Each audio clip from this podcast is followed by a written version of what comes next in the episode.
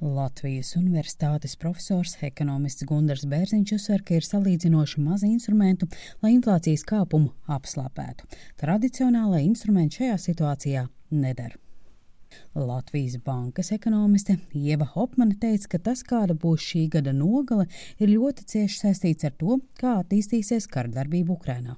Ieva Opmane teica, ka inflācijas spiedienu mīkstināšanai nepieciešams nevis samazināt nodokļus, bet sniegt mērķētu atbalstu mazāk turīgajiem, nevis visiem Latvijas iedzīvotājiem. Gundars Bērziņš teica, ka pieprasījuma un piedāvājuma svārstību rezultātā varam sagaidīt straujas cenu izmaiņas. Piemēram, vienu nedēļu degviela maksās vienu cenu, bet pēc nedēļas jau pavisam citu. Ar nenoteiktību tuvākajos mēnešos jārēķinās ikvienam.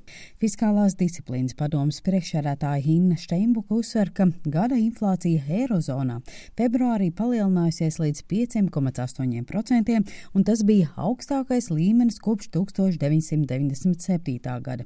Turklāt Latvijā inflācijas apmērs februārī bija augstāks nekā vidēji Eirozonā, kad mūsu valstī inflācija sasniedza 8,7%, kas ir par 1,3% augstāks rādītājs nekā janvārī.